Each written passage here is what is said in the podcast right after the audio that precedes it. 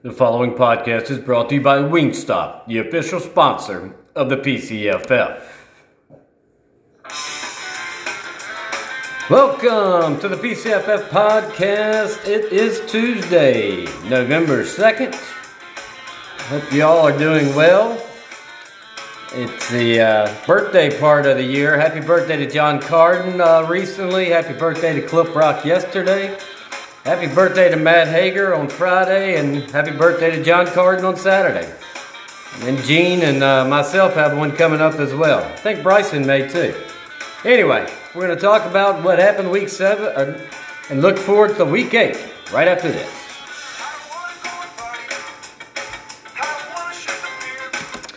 All right, we start off with a matchup between Carolina and Chicago. Carolina wins big in this one. Chicago had a, a disappointing performance. Uh, Najee Harris was pretty much the offense. Carolina got productions from uh, Michael Pittman in a breakout game. Chris Godwin, Cooper Kupp continued his amazing years. The Crush win their third in a row to get to six and two, 146 to 94. Chicago falls to third place at five and three. New Minglewood keeping pace with Carolina is Josh Allen.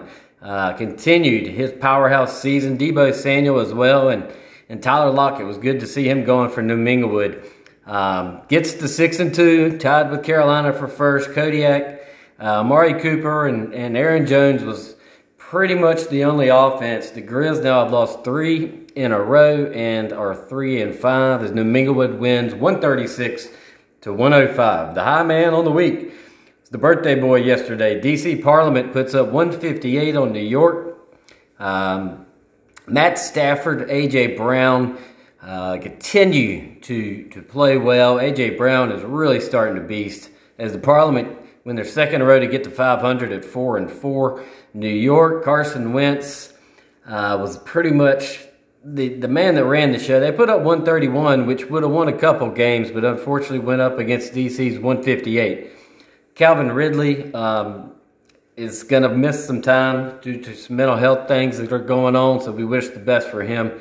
And the Criminals also lose Derrick Henry, possibly for the season. Uh, they fall to three and five. Uh, London at three and four coming into this one takes down Tennessee as Joe Mixon and Tyreek Hill uh, had big games as the uh, Red Coats get to four and four. Tennessee only putting up 110 points. They've lost two in a row to get to three and five now. Eli Mitchell, the bright spot, but he may be limited this week uh, going forward.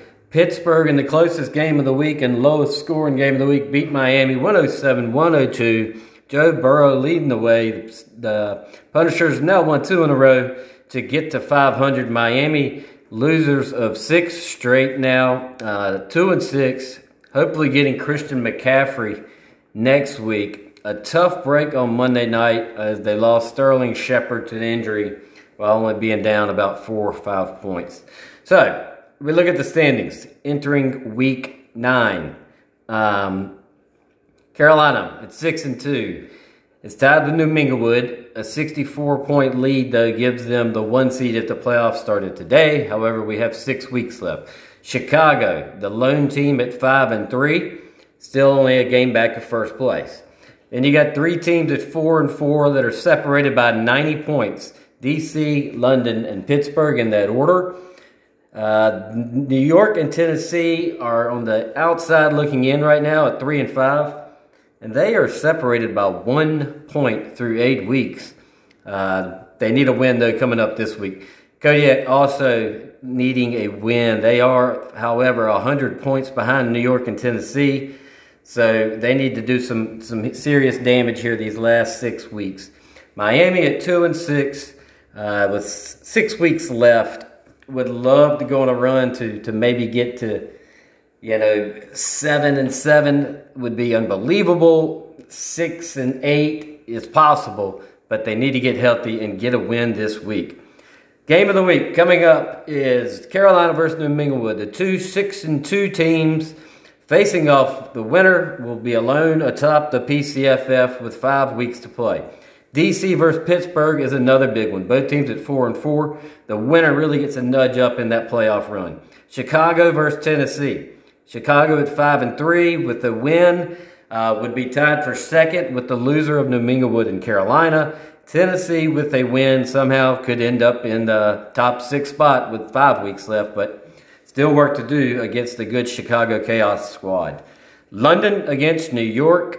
Now this one, New York really needs. They are three and five entering the game. London at four and four. A loss could drop them out of the top six with five to play. Kodiak versus Miami. This is a must win for both teams. Right now in the standings, Kodiak is tied for seventh. However, points wise, they are in the nine spot. And Miami, the lone two and six team and losers of six straight, are in last. Still five weeks to play, guys. The trade deadline is coming up November 20th. I wish you all the best of luck. I hope you have a good week. And happy birthday again to all those birthday boys this week and last. Till next time, Daniel Hager, signing off.